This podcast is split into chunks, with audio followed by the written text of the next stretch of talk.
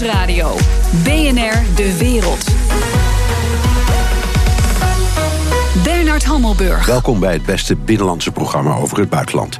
De Nederlandse missie in Afghanistan functioneert niet goed. Dat zegt minister van Defensie Ank Bijleveld. In een tijd waarin de Afghaanse regering steeds meer controle over het land verliest en bomaanslagen toenemen, is het tijd om onze mannen en vrouwen terug te halen. Ik praat erover met Joel Voor de Wind, buitenlandwoordvoerder voor de ChristenUnie. Dag meneer Voor de Wind. Goedemiddag. Eh, opnieuw vielen deze week meer dan 100 doden bij een aanslag in het hart van Kabul. Vijfde keer al dit jaar. Hoe kan het dat het ons niet eens lukt om de hoofdstad veilig te krijgen? Ja, dat is een goede vraag. Daar kan je twee kanten op redeneren. Je kan zeggen van, uh, omdat de Taliban uh, niet in staat is om stedelijke gebieden te veroveren, uh, proberen ze wel cruciale plekken, het zij politiestations, het zij internationale hotels, op te blazen om te laten zien dat ze wel degelijk in staat zijn om te infiltreren in die grote stedelijke gebieden. Je ziet dat, dat Afghanistan op dit moment verdeeld wordt tussen de Taliban en de Afghaanse regering, regeringstroepen, 60% 40% 40% Taliban. De Taliban zit vooral op het platteland en de regering nog vooral in de stedelijke gebieden. Dat is de frustratie van de Taliban. En ze willen laten zien met dit soort aanslagen dat zij ook zelfs in de grote stedelijke gebieden in staat zijn om dit soort aanslagen te plegen. Ja, ik, ik, ik was uh, in Kabul, uh, dat was alweer een tijdje geleden, maar dat was op het moment dat nog die enorme internationale troepenmacht daar zat. En toen ja. liep ik met een Amerikaan in Kabul, in de drukte, en toen liepen we midden op de rijweg tussen het verkeer. En, en ik zei: waarom gaan we niet op het trottoir? Zei hij: nee, dat kan niet, want dat zit vol met uh, bermbommen. En toen dacht ik: dat kan dus nooit lukken. Toen al niet. En nu hebben we er inmiddels 16 jaar gezeten, miljarden ingestopt. Dus ja, dan denk je. Eh, niks lukt daar. Er bestaat ook niet zoiets als een Afghaans leger. Het is gewoon allemaal een fantoom. Nou, dat is een heel somber beeld. Maar uh, kijk, de internationale gemeenschap, en dat zijn heel veel uh, landen geweest, ik geloof uh, 40, 50. Ja, 2 of 43, zoiets, ja. Ja, lidstaten zijn daar betrokken. Het is niet zo dat er landen zich nu terugtrekken. Het is wel zo dat die troepenvermindering de afgelopen jaren natuurlijk wel hebben plaatsgevonden. En dat gaat ten koste van de veiligheid. Maar tegelijkertijd was natuurlijk het, bedoel, de, het doel om de Af, het Afghaanse leger, ook de luchtmacht, in staat te stellen om zichzelf te verdedigen. Daartoe zou de internationale gemeenschap toch wel de salarissen betalen, zelfs het materiaal leveren daarvoor Maar op een gegeven moment moest het natuurlijk zelf wel gaan doen. Nou, je ziet nu dat we eigenlijk een terugslag krijgen met dit soort aanslagen. Dat uh, het Afghaanse leger niet in staat is, niet met de veiligheidsdiensten die zij hebben. en misschien wel met de informatie die wij leveren. om dit soort aanslagen maar, te voorkomen. Maar ik, ik, stel de vraag even heel gewoon: bestaat ja. er zoiets als een Afghaans leger? Dat bestaat wel degelijk. Uh, alleen het, het, staat natuurlijk niet op zichzelf. Het valt en staat met de steun van de internationale gemeenschap. En je ziet een verschuiving. Uh, minder internationale troepen, maar wel een versteviging van het Afghaanse leger. Alleen, ja, die, staan, die zijn dus niet, en dat, dat blijkt de afgelopen jaren wel, zijn niet in staat om die oorlog te winnen. En dat constateren we nu eigenlijk met elkaar. Dat die oorlog gewoon tegen de Taliban niet te winnen is. Nee. Uh, minister uh, Beideveld van Defensie zegt uh, zelf dat onze missie niet goed functioneert. Om alle mogelijke redenen. Collega's spreken geen Engels. Er is geen beschermend vervoer. Soldaten kunnen niet veel. Uh, het is ook maar een bescheiden missie in het noorden. Is het niet tijd om te zeggen: het is mooi geweest, inpakken, wegwezen? Nou, dat zou de Taliban en met de Taliban natuurlijk Al-Qaeda heel graag willen. Uiteindelijk uh, zitten we daar vanwege de aanval 9-11-2001. Ja, maar het is 16 jaar later. En dat is 16 jaar later. Maar we wisten toen we erin gingen dat. Ik ben er ook een paar keer geweest. Het is een, een land wat zo'n beetje zich in de middeleeuwen zich afspeelt. De ezeltjes rijden daar gewoon nog rond. Ehm, je moet de, de rechtsstaat van nul af aan opbouwen. dat is heel ingewikkeld en heel moeilijk. En dat, hebben we, dat is niet gelukt in 16 jaar. En dat gaat de komende vijf of tien jaar ook niet lukken. Maar wat we wel hebben gezien is die, die gebieden die we hebben uh, zeker kunnen stellen. Daar is uh, wel degelijk ontwikkeling. Hè. Daar is gezondheidszorg, daar is onderwijs. Meisjes, 40% van de meisjes gaat nu naar school. Uh, er is een opbouw van een rechtsstaat aan de gang. En je ziet alleen dat het, het stokt. ook omdat er een, een donormoeheid heeft plaatsgevonden. En de internationale gemeenschap zich qua troepen heeft teruggetrokken. Maar als wij weggaan, weten we één ding zeker: dan overwint de Taliban. En dan zijn we helemaal terug bij af. Ja, uh, uw partij is onderdeel van de coalitie. Hoe wordt daar nou binnenskamers over gepraat tussen de vier partijen in het kabinet? Kunt u een beetje een idee geven? Want deze vraag die, die werpt u en uw collega's natuurlijk ook op. Ja, we hebben natuurlijk weer gesproken over de verlenging van deze missie eind vorig jaar. Ehm, eh, toen hebben we met elkaar, ehm, maar niet alleen de coalitiepartij, maar dat hebben we breed in de Kamer gedaan, hebben gezegd van wat moeten we nu? moeten we intensiveren? Moeten we afschalen? Heeft dit nog zin? Ehm, hoe is de balans? Nou, er zijn eerdere evaluatierapporten ook geweest. die zeggen ook, er is uh, een kleine vooruitgang, maar alles is erg fragiel. Dus op het moment dat we weg zouden gaan, zou het weer in elkaar kunnen storten. Nou, dan sta je voor de keus. Uh, blijf je, uh, maar het, het, het, het, wordt niet ideaal. Of er zit niet een sterke grote groei in. Of trek je je terug. En dan weet je zeker dat uh, ja, de Taliban, maar ook de Al-Qaeda-kampen die daar voorheen waren en die nu zijn teruggedrongen, dat die weer terugkomen. En dat die terroristische aanslagen mogelijk vanuit Al-Qaeda ook weer richting Europa kunnen plaatsvinden. Maar, maar zie je dan een scheidslijn in dat overleg tussen de vier partijen? Nee, dat, uh, dat zie je niet. Uh, dus de vier partijen waren er van alle vier van overtuigd dat we door moesten gaan. Maar tegelijkertijd hebben we ook gezegd van dit is niet het, het enige spoor wat je moet bewandelen. Er moet ook een hele sterkere politieke spoor komen. en daar zijn we ook van overtuigd. Alleen ja, dat maakt het ook weer lastig. Want als je al constateert dat militair de strijd niet te winnen is, dat heeft onze commandant de strijdkracht ook gezegd, uh, dan is er maar één oplossing, namelijk onderhandelen. Alleen, dat klinkt simpel, maar dat is het ook weer niet. Want de Taliban heeft hele harde eisen gesteld aan uh, het deelnemen aan onderhandelingen. Zij willen alle Taliban-strijders weer uh, in vrijheid uh, gezet worden. Ze willen uh, de sharia, de strenge uitleg van de sharia, weer terug in de wetgeving. Dus alles wat je ook qua rechtsstaat hebt opgebouwd de afgelopen jaren, zouden zij weer terug willen brengen. Ja. Nou, als ik het goed begrijp en een beetje volg, dan, dan zie ik het volgende beeld. Er is niet één Afghaanse regering, er is er in het noorden ook een soort regering, dus dat is niet een eenheid. Ik heb ook de indruk dat er niet één Taliban groep is, maar misschien wel vier of vijf die het niet bij, met elkaar eens zijn, begint het niet een beetje een Libische situatie te worden? Nou, in het noorden heb je dan ook nog weer beginnende uh, ontwikkelingen van ISIS-militia's. Uh, ja. uh, dat heb je ook inderdaad. Nee, het is verre van, van, van veilig. En, en, en daarom heeft ook het kabinet de Kamer weer gevraagd: alsjeblieft, verleng die missie nou. Want we kunnen echt nog niet weg. Nou, we zitten daar in Mazar el-Sharif. we doen wat we kunnen. Um, maar alle hoop is gericht op die politieke oplossing. En in de tussentijd proberen we daar te stabiliseren wat we kunnen. Ja, maar goed, daar in Mazar Sharif, waar de Duitsers dus die enorme basis hebben, dat, daar bent u ongetwijfeld ook uh, ja. kijken. Ja. Daar was toen, het, toen ze daarheen gingen, leek het, dat was toen de Noordelijke Alliantie, dat het daar redelijk veilig was. Dat is ook allemaal ja. weg. Dus Nederland zit daar inmiddels gekoppeld aan een, aan een enorme legermacht, die ook niet meer kan doen waarvoor die kwam. Dus ook dat is een factor. Nee, de trainingen gaan wel door daar. Uh, we hebben gehoord van de minister dat dat ook onder beperkte omstandigheden uh, plaatsvindt. Nou, dan zou je kunnen zeggen, Nederland moet daar weer meer troepen naartoe sturen of meer uh, beveiliging. Nou, dat, dat is ook weer niet een goede oplossing, want we hebben niet veel meer troepen om daar naartoe te sturen. We zitten al aan onze tax. dus binnen de NAVO zal daar een oplossing voor gevonden moeten worden om die beveiliging beter te organiseren, om die voertuigen los te krijgen, om de medische evacuatie te garanderen. Dus dat moet echt binnen de NAVO gebeuren. Wij hebben echt geen, geen mogelijkheden. We zitten in Mali, we zitten in Syrië, we zitten in uh, Irak. Dus we hebben wel meer geld uitgetrokken, gelukkig uh, voor Defensie. Maar dat gaat zich pas over de loop van de jaren uitbetalen. Zo dadelijk.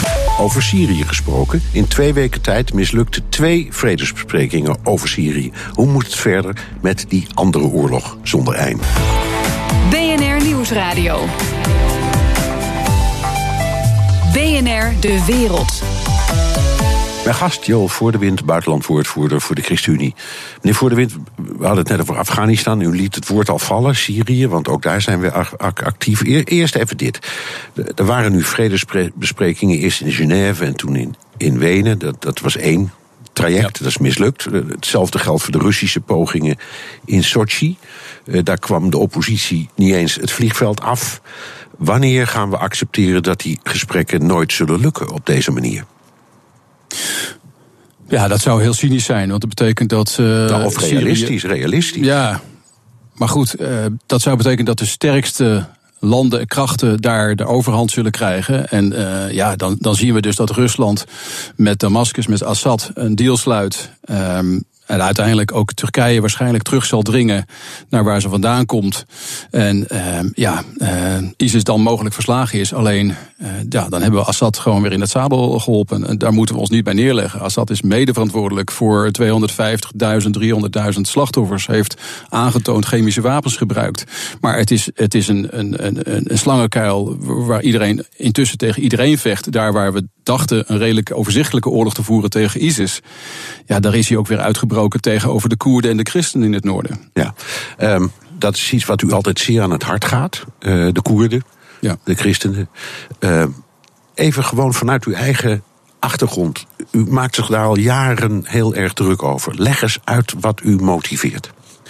Ja, en uh, gelukkig ben ik daar niet de enige in. De Amerikanen doen dat ook, de Fransen trouwens ook. Ik heb hier ook in de Kamer moties over ingediend. En we zien een verschuiving van de financiën eerder alleen naar de gematigde, zogenaamde gematigde oppositie. Waar inmiddels een soort grijze zone is ontstaan met uh, voormalig ISIS-strijders. Nu ook in de Free Syrian Army, de Vrije Syrisch leger.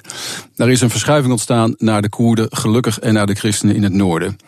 Uh, Nederland geeft ook geld voor de wederopbouw in het noorden is ook positief. Dat gebeurde ook allemaal niet voor die motie. En de Amerikanen die hebben gezegd: jullie blijven van in ieder geval Rojava, de twee westelijke of oostelijke provincies, blijven jullie af. De strijd is nu nog gaande om Afrin, de derde provincie van de Koerden en uh, de christenen. Ja, en daar uh, zie je dat Turkije uh, zijn oog op dat gebied heeft laten vallen als een soort buffer. dat het erop lijkt dat dat een deal is met de Russen. En dat zou wel heel cynisch zijn als we uh, staan te kijken en we laten het gebeuren. Maar een ander zou misschien zeggen, ja, dat is realpolitiek. In een oorlog verschuiven bondgenootschappen wel eens... omdat je nou eenmaal voor het bereiken van je doel uh, dat moet doen. Ja. Maar ik hoor van u toch altijd dat enorme pleidooi. Dus ik, ik denk dan, wat drijft u om dat zo vol te houden? Nou ja, dat, omdat het om mensen gaat, om uh, vluchtelingen die in eerste instantie al uit Aleppo uit Idlib gevlucht zijn naar Afrim, uh, daar nu als ratten in de val gevangen zitten, uh, omdat ze niet naar het noorden kunnen. Daar is Turkije, die heeft de grens afgesloten, niet naar het zuiden kunnen, omdat ze helemaal omzingeld zijn nu door de Free Syrian Army of door Assad. En net als we in Joegoslavië hebben gezien met Srebrenica, iedereen kent het trauma van Nederland over Srebrenica, daar waar wij die veilige zone wilden beschermen, maar geen internationale steun kregen, omdat inmiddels door de hoge heren besloten was om Srebrenica te laten vallen en terug te geven aan de Serven, zie je nu misschien ook wel dat machtsspel bij Afrim gebeuren. Um, en, en, daar protesteer ik tegen. Want dit, gaat, dit, dit is niet een schaakspelletje wat je speelt. Dit gaat over 500, 600.000 mensen. Ja, in Srebrenica ging het om het beschermen van moslims trouwens. Dat is ook pikant. En u maakt ja. er nu druk voor het beschermen van christenen en Koerden. Iedereen dus die verdrukt wordt. Ja, ja, ja, ja. Maar het is dus niet zo dat u zegt... omdat ik van de ChristenUnie ben en dus meer passie voel voor christelijke broeders en zo. Dat is niet wat u drijft. Nou, u heeft mij ook het een en ander horen zeggen over de Rohingya of, of uh, de, de, Tibetanen in, in, in China. Daar waar mensen, en met name minderheden, verdrukt worden. Ja, daar heeft de ChristenUnie uh, het, het geluid laten horen. En dat zal ze laten blijven doen om voor die mensen het op te nemen. Dat hebben we ook in het regeerakkoord geschreven. Ja, het opnemen voor kwetsbare groepen. De compassie. Ja. Nou ja, de, ja de, de, de medemenselijkheid, het opnemen voor mensen. En uh, ik vind niet dat we zomaar Afrin moeten laten vallen. Ik bedoel, we hebben daar niet zo heel veel te zeggen. Maar we geven wel steun aan die gematigde oppositie, die Vrije Syrische leger. En het is nu heel cynisch en wrang om te zien dat wij indirect, mogelijk, uh, die strijd tegen de Koerden financieren. Ja, wacht even, laten we daar even over praten. Nederland steunt Syrië voor iets van 25 miljoen euro. Uh, ja. Uh, niet met wapens, maar, nee, maar met, aan de gewapende ja. oppositie. Waar zijn die dan? We horen, we ja. horen er eigenlijk niks over. Nee. Leven ze nee, nog daar wel? Maak ik, ja. Daar maak ik mij grote zorgen over. We weten dat die vrij, Vrije Syrische leger inmiddels dus helemaal geïnfiltreerd is door de Turken. Maar ook uh, door Al-Qaeda, Al-Nusra. Ik ben daar zelf ook geweest. Uh, heb toen de Vrije, Vrije Syrische leger gesproken. Ze hebben ook gezegd dat ze samenwerken met Al-Qaeda. En we weten dat die voormalige ISIS-strijders zich inmiddels ook integreren uh, bij het Vrije Syrische leger. Om te vechten uh, tegen aan de ene kant uh, Assad, maar aan de andere kant tegen de Koerden op dit moment. En uh, ja. Uh, ik vind dat daar waar wij geld geven aan die zogenaamde gematigde oppositie, uh, nou, dan, dan, zouden we nu even pas op de plaats moeten maken. Uh, want dat geld kan heel goed gebruikt worden. Er zitten ook voertuigen bij die we leveren. omdat deze krachten zich nu kunnen inzetten in de trouwste bondgenoot en de effectiefste strijder tegen ISIS. Ja, en namelijk de Koerden en de christenen. En gaat u in uw rol van Kamerlid hier deze zaken ook aan de orde stellen? Zeker, dat ga ik vanavond doen in het debat met, uh, met Zijlstra. Uh, ik vind dat we moeten onderzoeken of ons geld uh, niet contraproductief werkt. toen de Koerden en ehm, Bagdad dreigden de strijd tegen elkaar te voeren, dat hebben ze even gedaan bij Kirkuk, hebben wij ook een pas op de plaats gemaakt. Wij, er is geen noodzaak voor ons om een oorlog verder te financieren. Dat moeten we zeker niet willen, dus daar moeten we onderzoek naar doen. En als er maar enigszins een, een, een militie betrokken is die wij financieren moeten dat meteen stoppen. Ja, wat, wat oké, is dat uw advies of uw verzoek aan uh, minister Zijlstra straks?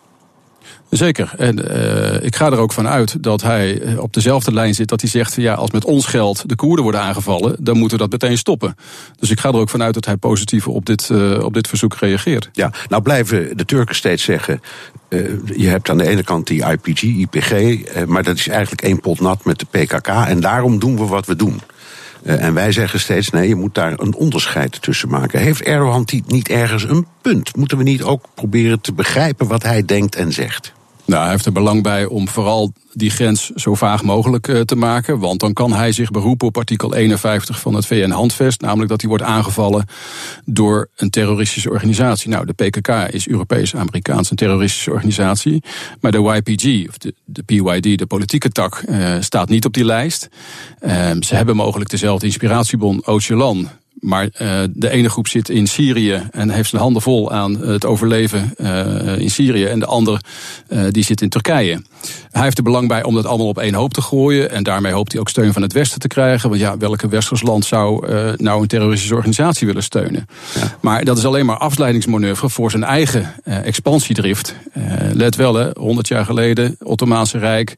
Uh, men heeft toen gezegd, we maken pas op de plaats, maar over 100 jaar willen we toch weer terug naar dat grote Ottomaanse Rijk. Dus de vraag is, en hij heeft het zelf aangegeven, hij wil die hele grote bufferzone van 900 kilometer en 30 kilometer breed, wil die terug hebben in Syrië. Uh, nou, dan gaat hij tegen de Amerikanen uh, stuiten, want die zitten wel degelijk ook in Noord-Syrië. En dan heb je een probleem van twee bondgenoten, NAVO-bondgenoten. Ja, de twee grootste NAVO-bondgenoten. Ja. Ja, ja. ja. En, en um, denkt u dat uiteindelijk ik moet zeggen, de Turken zullen zeggen: oké, we snappen dat dit niet handig is om ons tegen de hele NAVO te keren. We gaan toch zoeken naar een compromis.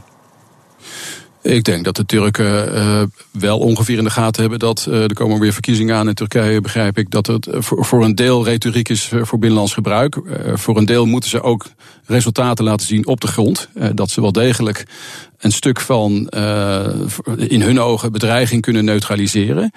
Uh, maar ze zullen ook begrijpen dat op het moment dat zij de Eufraat oversteken, dat is de rivier die zo naar het noorden loopt, richting het oosten, ja, dan stuiten ze op de Amerikanen. En dat risico zullen ze nooit willen nemen. Sterker nog, toen zij afgelopen week naar het zuiden wilden, een opmars richting Idlib, toen hebben de Russen hun tegengehouden met bombardementen. Ja dus de internationale, de grootmachten, die zullen die snappen wel hoe het zit. Ja. Uh, zeggen van jongens tot zover en niet verder. Oké, okay, dank. Jo voor de wind, buitenlandwoordvoerder voor de ChristenUnie. The Donald Show. Tijd voor de update over de United States of Trump met correspondent in Amerika Jan Postma. Jan, welkom. Heeft Washington uh, Washington wacht op een berucht memo van uh, meneer Nunes. Dat is de voorzitter van wat wij noemen de commissie stiekem in het Huis van Afgevaardigden. Ja, Vertel. exact. Ja, en, en, die zou mogelijk vandaag komen, die memo. Dat uh, werd dan weer uh, gezegd. Maar er was vannacht plotseling een uh, plotwending. maar eerst zal ik een beetje wat meer vertellen over die memo. Want het is inmiddels best wel ingewikkeld. Deze meneer Nunes, dat is een republikein. En die zegt, ik heb bewijzen gevonden dat er in de FBI echt een soort deep state actief is. Een laag van medewerkers die anti-Trump zijn. en die de president dus tegenwerken. En ook zou hij in een memo, het is iets van vier kantjes eigenlijk, zou hij uh, uitleggen dat de FBI onterecht teamleden van de Trump-campagne afgeluisterd heeft.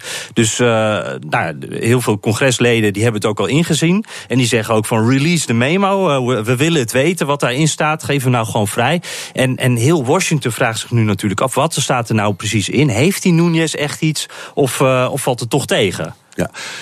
Uh, het is allemaal rechtstreeks verbonden natuurlijk met dat uh, Rusland-onderzoek van de FBI. Ja, want uh, als Nunes nou echt iets heeft hè, tegen die FBI, dan zou dat natuurlijk dat hele Rusland-onderzoek onderuit kunnen halen. Want dan kan je ervan uitgaan dat Donald Trump dat natuurlijk ook gaat gebruiken om te zeggen van ja, kijk eens, ze zijn inderdaad tegen mij. Dat hele onderzoek moet eigenlijk gestopt worden.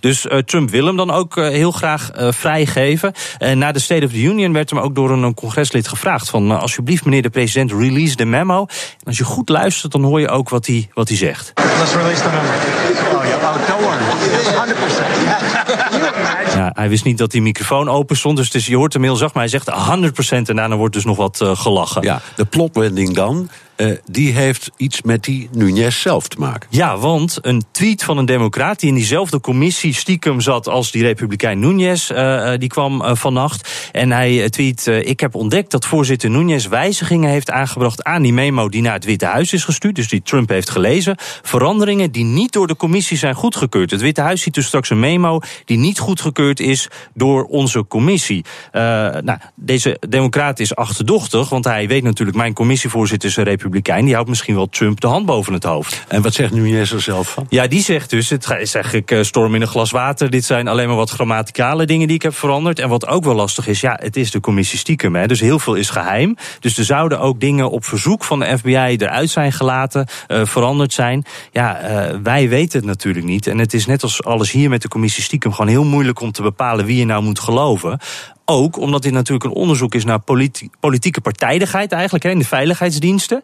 Uh, maar aan dat onderzoek is inmiddels ook alles politiek. Dus wie moet je nou geloven? Niemand vertrouwt elkaar meer. Nee, ik hoorde iemand zeggen die Nunes heeft gedaan aan wat ze noemen cherrypicking. Dus die heeft alleen maar die stukjes eruit gehaald die echt uh, uh, anti-Trump waren. En daarmee ja. kan hij aantonen dat er een complot tegen Trump was. Ja, en daar zou je dus ook bij kunnen zeggen van nou ja, daar heb je ook de context steeds bij nodig. Want het ligt natuurlijk vaak veel ingewikkelder dan één ja. zinnetje of één alinea. Uh, en vier velletjes uit zo'n heel dossier, daar heb je eigenlijk ja, niks aan. Nee, inderdaad. Tenminste, ja, wij kunnen dat ook bijna niet inschatten. Dus nee. die Nunes kan dat goed. Uh, ja. Gaat het Rusland-onderzoek gewoon door? Ja, uh, want de New York Times die schrijft over een telefoongesprek tussen Trump en zijn inmiddels is dat hoofdcommunicatie, Hope Hicks. Echt een van de vertrouwelingen van Trump is dat. En daarin zou zij gezegd hebben dat die mails van Donald Trump Jr. over die befaamde meeting in Trump Tower, weet je nog, met die Russische advocaten, waar zoveel om te doen was geweest, waar ook Kushner en Donald Jr bij waren. Nou, zij zou gezegd hebben in het gesprek: de mails van Donald Jr. daarover die zullen nooit vrijkomen. En dan wordt gelijk de vraag gesteld: natuurlijk, is dit nou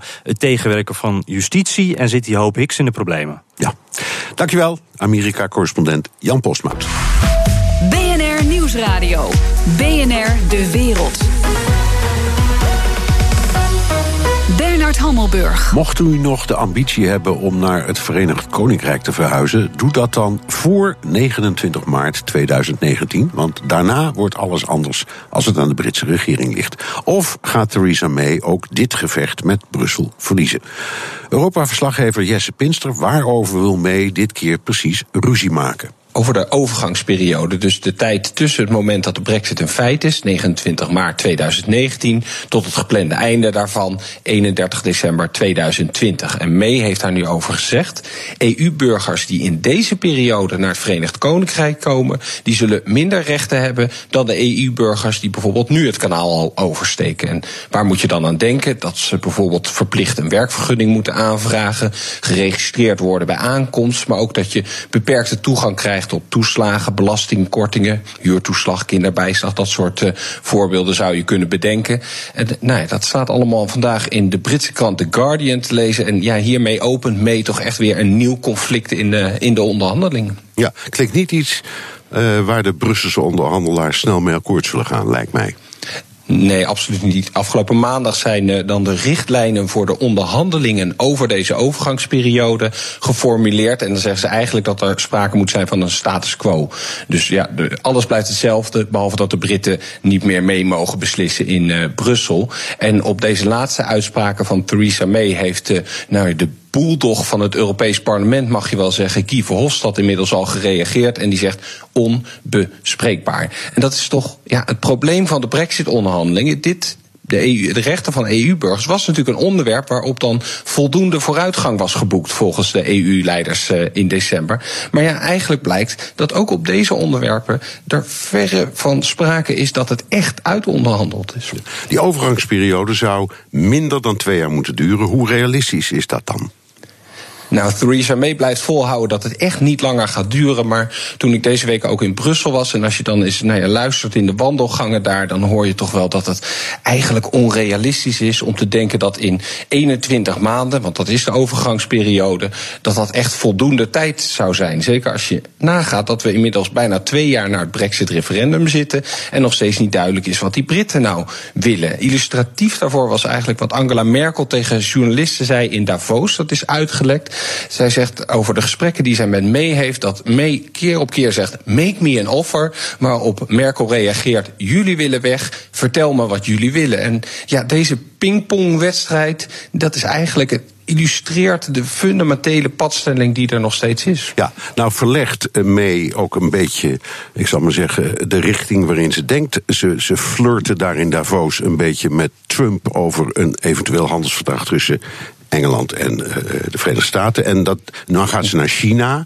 Is, is ze duidelijk, maakt ze duidelijk aan haar eigen volk van: ik ben alvast op zoek naar andere markten? Ja, nou dat probeert ze natuurlijk wel duidelijk te maken. Maar ondertussen zie je dat er in Londen, in Groot-Brittannië, niet veel verandert. Omdat er echt continu aan haar stoelpoten gezaagd wordt. Door partijgenoten, door de media. Even de voorpagina van het tijdschrift The Spectator uh, vandaag. Lead or go. Geef leiding of vertrek. Nou is er natuurlijk ook wel irritatie over dit continue gezaag aan die stoelpoten. Er stond deze morgen een briljante ingezonden brief in het uh, Financial Times. De brief komt van oud Shell-topman Mark Moody Stewart. En hij stelt voor: kunnen we niet gewoon de prominente Brexit voor- en tegenstander binnen het kabinet van Theresa May een duel laten uitvechten? Echt een duel zoals ze dat in de vroege 19e eeuw deden met op je sabel of pistolen. Ja. Ja. ze mogen dan nog wel op elkaar gaan schieten. En volgens de oud-topman, de oud-Shell-topman, zou dit in ieder geval sneller en goedkoper zijn dan nog een keer een tweede referendum uit te schrijven over de Brexit. Oh, sir, we can't wait. Dankjewel, Jesse Pinster. BNR De Wereld. Tijd voor de kwestie. Vandaag over Russische en Chinese digitale inmenging in het Westen. Waar CIA-baas Mike Pompeo in Amerika nog maar weer eens extra voor waarschuwt. Ik praat erover met Brenno de Winter, IT- en beveiligingsonderzoeker. Welkom. Dank je wel. Uh, de CIA-baas zegt Amerika kan ook bij de komende tussentijdsverkiezingen, in november is dat, inmenging verwachten van de Russen. Kun je nog eens een beetje uitleggen wat we nou precies onder inmenging moeten verstaan? Wat is dat nou precies? Nou ja, waar het natuurlijk vorige keer heel erg over ging, was er was ingebroken in de computers van uh, de Democratische Partij. Daardoor zijn allerlei documenten geopenbaard. En dat was toch wel vrij negatief bij het beeld wat ontstond rond Clinton. En dat zou een, een best wel grote invloed hebben gehad. Er zijn ook uh, andere inmengingen die worden uh, verondersteld. Of dat helemaal klopt, dat weet ik niet. Maar er zijn wel steeds meer signalen dat ook de AIVD heeft natuurlijk wat zaken ontdekt. Het is wel steeds duidelijker dat uh, de Russen wel iets hebben gedaan in de richting van die Democratische Partij, wat toch wel ernstig lijkt op hacken. Ja, we horen dan over trollfabrieken en Russische hackersgroepen. Ja. Fancy Bear, ja. Cozy Bear.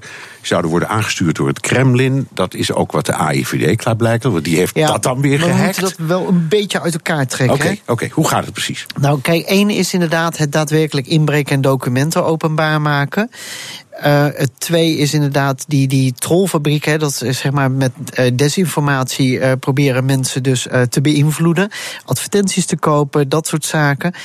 dat heeft niet zoveel met hacken te maken in de zin van ergens digitaal inbreken. Maar veel meer te maken met natuurlijk gewoon communicatiestrategieën die worden losgelaten. En dat is volgens mij, maar dat weet jij volgens mij veel beter dan ik, van alle tijden. Ja, en dat is waar. En, maar dat is wat we spam noemen eigenlijk vroeger. Eigenlijk is het een vorm van, ja, je kunt het spam noemen, maar je kunt het ook, nou ja, het, het, zijn wel advertenties die worden verkocht. Dus ja, je kunt het spam noemen, maar we worden continu natuurlijk bijvoorbeeld op Facebook overladen met allerlei berichten die gesponsord zijn. Ja. Alleen in dit geval uh, bevat het dan uh, heel veel desinformatie of informatie waar sommige partijen niet zo gelukkig uh, mee worden. Oké, okay, dat is de ene worden. kant. Je zegt dus dat is één van de twee. Dan heb, ja. je, dan heb je het hackverhaal. Nou ja, dan heb je inderdaad dus dat, dat daadwerkelijk inbreken om bij gegevens te komen en die dus selectief op straat te gooien. En hè, daar, daar komt dat hele verhaal rond de AIVD ook vandaan, hè, die inbraken bij de Russen. En zelfs zover konden gaan dat ze mee konden kijken op een camera en daardoor ook konden vaststellen wie er zeg maar, bij die hackers stonden. Ja, ehm, en het hacken is dus, je maakt je meester van, het, uh, van de bestanden van een ander. In dit geval ging dat over een medewerker van de campagne van Clinton. En daardoor Ja. is die hele zaak aan het rollen gebracht. Ja, dat, dat is dus een vorm wat vaak wordt aangeduid met hack. Maar het, het is ook gewoon inbreken in een systeem. Bijvoorbeeld een camera is ook een systeem. Als je daarop inbreekt, kijk je dus ook mee. Het is dus eigenlijk je toegang verschaffen tot systemen waar je eigenlijk niet thuis hoort. En nou zegt eh, de CIA-directeur... dat gaat bij de komende verkiezingen in november vast weer gebeuren in Amerika. Denk je dat hij een punt heeft? Ja, dat is, dat is een open deur intrappen bijna. Ehm, als, als natuurlijk een, een partij die, die je tegenstander is... eh, de kans krijgt om daar een, een invloed op verkiezingen uit te, te oefenen... ja, dan zullen ze dat niet nalaten. En, en binnen geo, geopolitieke verhoudingen zie je dat natuurlijk meer gebeuren. Dat, eh, ook dat is van alle jaren. Ja, ook, er moet ook niet roomser zijn dan de paus. Ook wij doen dat in andere richting natuurlijk net zo hard. Ja, daar gaan we straks over praten hoor. Wat wij, wat wij eigenlijk doen de andere kant op. Maar dit, dit gaat nog steeds even. Ja, eerst dat- even duidelijk maken wat die Russen nou doen. En trouwens ook de Chinezen. Eh, twee weken geleden werd een oud CIA-agent gearresteerd. die stiekem voor de Chinezen zou werken. Welke concrete voorbeelden zijn er nog meer over Chinese inmenging? Nou, wat van, van China weten we eh, iets meer omdat die wat openlijker ook de over zaken communiceren. Dat klinkt heel gek. eh, maar die zeggen ook gewoon dat ze het digitale dossier zien als een manier van oorlogsvoering. Dus door in te breken, dingen plat te gooien. Ehm, zij zien dat gewoon echt als een middel om een, een invloed uit te oefenen. Dus in plaats van ergens mensen of tanks naartoe te sturen, eh, gooien we dan gewoon dingen plat. En daar wordt ook actief op geïnvesteerd. We weten dat dat ook gebeurt in Rusland. We weten dat het eigenlijk. Noord-Korea wordt door de AIVD ook genoemd. Er wordt ook Iran genoemd. We hebben natuurlijk zelf gehad dat bij ons is ingebroken bij het bedrijf DigiNotar. eh, door eh, Iraanse hackers. En waardoor het mogelijk werd om berichten van dissidenten af te luisteren. Nou, eh, omdat men een certificaat had nagemaakt van Google. En daardoor kon men de versleuteling ongedaan maken. Ja, dat, dat, dat zijn allemaal methodieken om zeg maar, een bepaalde invloed proberen uit te oefenen. En ons leven is nu eenmaal digitaal voor een groot gedeelte. Ja. Dus ja, daar liggen je kansen. Ja, ik herinner me plotseling nu ook dat, dat Noord-Korea Sony heeft platgelegd op een bepaald moment. Dat werd ook gezien als een giga. Ja, daar moet je wel altijd Teken, voorzichtig mee zijn of dat daadwerkelijk zo was. Want eh, ja, wij, hebben niet, wij hebben niet de beschikking over het bewijs. Kijk, bij de Russen Dus je moet maar het- geloven wat iedereen erover zegt. Ja, kijk, bij de Rus wordt het nu eh, over dat verhaal van die Democratische Partij nu wel zo persistent en langs zoveel wegen eh, zeg maar, verteld dat dat begint wel vrij stevig te worden. Eh, dat Sony-verhaal, ja, het zou kunnen. Ja, je zei net China, die zijn er heel open over. Ik hoor zelfs dat ze, dat ze tien, tienduizenden cybermilitairen hebben. Dat klinkt dan eigenlijk ook wel logisch, de manier waarop je het vertelt. Gewoon een apart onderdeel van de krijgsmacht. Ja, dat is ook in Nederland zo. We hebben ook een onderdeel hier wat zich bezighoudt met eh, zeg maar, digitale verdediging op het moment dat het spannend wordt. Ja. Zo dadelijk. De Amerikanen waarschuwen voor Russische hacks, maar we hadden het er net al over. Wat doen westerse landen nou precies? Doen die niet gewoon hetzelfde, maar dan andersom? BNR Nieuwsradio. BNR De Wereld. Mijn gast Brenno de Winter, IT- en beveiligingsonderzoeker. Brenno, we hadden het net over de potentiële inmenging van de Russen en de Chinezen, die daar, zeg jij, wat openlijk over zijn. Die hebben gewoon een, eh, een onderdeel van de krijgsmacht. Bij tussentijdse verkiezingen in Amerika bijvoorbeeld. Maar laten we nou eens het omdraaien en bijvoorbeeld naar de Verenigde Staten kijken. De CIA-baas Pompeo zegt dat ze hun best gaan doen om geheimen te stelen. Dus die zeggen, wij gaan het ook doen. Nou, denk Ja. ik, dat doen ze natuurlijk al lang. Maar is dat een soort digitale oorlogsverklaring? Ja, dat is wel een beetje een digitale oorlogsverklaring. Het is geen nieuw beleid. Het is eigenlijk gewoon staanbeleid. In de jaren negentig ehm, eh, ging volgens klokkenluiders al een derde van het budget aan intellectueel eigendom op van de CIA. Dat is best raar voor zo'n type orgaan. Dus informatie is evident macht. Eh, dus ja, dit doen ze. En we weten eigenlijk sinds de onthullingen van Snowden. eh, dat dat ook ja, op geavanceerde wijze gebeurt. Ja. Ehm, doen de Amerikanen dan hetzelfde als wat de Russen en de Chinezen doen? En, en als dat zo is, Hoe? Ja, en ook openlijk, net zo openlijk. En ook Nederland doet dat ook eh, net zo openlijk. We hebben een cyberleger. Uh, en er wordt dus ook gewoon uh, daadwerkelijk ingebroken. Maar de Amerikanen hebben wel een streepje voor. Zij uh, beschikken over veel bedrijven natuurlijk in hun land... die en chips en processoren maken en software maken. En wat we natuurlijk van de, de lekken van Snowden weten... is dat ze ja, soms ook de vinger achter bepaalde lekken krijgen... En daar dus ook handig misbruik van maken. Of zelfs proberen om in de technologie achterdeurtjes in te bouwen. Nou, als dat mogelijk is, dan is natuurlijk jouw machtspositie ook veel groter in één keer. Ja. Dus uh, zij zijn daar ook succesvol in. En er wordt bij de National Security Agency ook heel fors in geïnvesteerd. Ja, ik, ik hoorde ook altijd, ook, zou maar zeggen, voordat het digitale tijdperk echt doorbrak. De, de National Security Agency, NSA, is de grootste spionage- en afluisterorganisatie ter wereld. En daar waren Ja. ze toen zelf al trots op. Dus ik, ik stel de vraag omdat je. Ja, omdat je dan denkt, waar komt dan al die verontwaardiging vandaan Nou, over, wat dus- de, over wat de Russen ook- allemaal misdrijven? Ja, nu de Russen het dus iets beter gaan doen, zijn wij opeens enorm verbolgen. Maar ehm, de NSA heeft het zelfs op de website staan. Hè. Er staat gewoon bij een mission statement: in order to gain a decision advantage. Dus daar staat gewoon met zoveel woorden en eh, een decision advantage. Dat is eh, ja bijna gewoon, ze zeggen bijna gewoon: wij doen economische spionage. Ja, maar goed, dat is, dat is nog één ding. Dan wil je kijken wat bedrijven aan kennis hebben. Ja. Maar, maar dit, dit gaat over meer. Dit is in het politieke proces. Ja. Eh, valt dat ook onder wat de Nou Amerikanen ja, wat doen? inlichtingen, Bijvoorbeeld in wat Rusland inlichtingendiensten doen, eh, is wat we meestal voorstellen, juist inderdaad in de politieke hoek. Hè. En in Nederland is het eigenlijk niet gebruikelijk, of zelfs niet toegestaan, dat inlichtingendiensten zich bezighouden met economische spionage. Die zijn er juist voor het politieke. Eh, gaat het om strafrechtelijk, dan hebben we natuurlijk gewoon onze reguliere opsporingsinstanties. Dus voor eh, wat zeg maar, de rechtsstaat zou kunnen bedreigen daar hebben we dus die inlichtingendiensten voor. En uh, daar zit natuurlijk in dat internationale spel ook een gedeelte bij van wat doen die andere landen en welke invloed of welke nadelen hebben wij daarvan. Ja. Dus dat is niet heel vreemd dat je dan vervolgens. Um, een bepaalde invloed probeert uit te oefenen. En het is natuurlijk ook algemeen bekend dat de Amerikanen ook bij diverse landen uh, hard werken om bepaalde regimes omver te krijgen. Ja, dat deden ze het verleden ook. Alleen toen was het, ze hebben geholpen met de moord op Diem in Vietnam, dat is heel Ja. lang geleden. Met, uh, waarschijnlijk met de moord op Allende in Chili. Dat ging dan wel niet met het internet, maar het ging wel. Ja, Dus- en als je dat subtieler kan doen en je wat meer op afstand kunt zitten met twee beentjes uh, op een uh, bureau met een, een muis nerd met een brilletje op op een zolderkamer Ja, is wat anders veel dan in- relaxter? Ja. ja. Uh, kun je zeggen, Brenno, dat de Russen en de Chinezen en de Amerikanen eigenlijk allemaal, en wij waarschijnlijk ook, eigenlijk allemaal ongeveer hetzelfde doen? Nou, technisch gesproken wel. Hoe dat precies vorm krijgt, dat weet ik niet. Ik werk niet voor die diensten. Dus ik, ik, ik heb daar natuurlijk zelf geen ervaring mee. Maar wat ze technisch doen, is natuurlijk gewoon toegang proberen te verschaffen tot systemen. Nou, een van de dingen die je daarvoor nodig hebt, is lekken. Dus wat is iedereen eh, mee bezig? Is naast toch op zoek of om lekken ergens toe te voegen, of eh, om technologie in handen te krijgen om ze te misbruiken. Nou, dan moet je ze eerst vinden.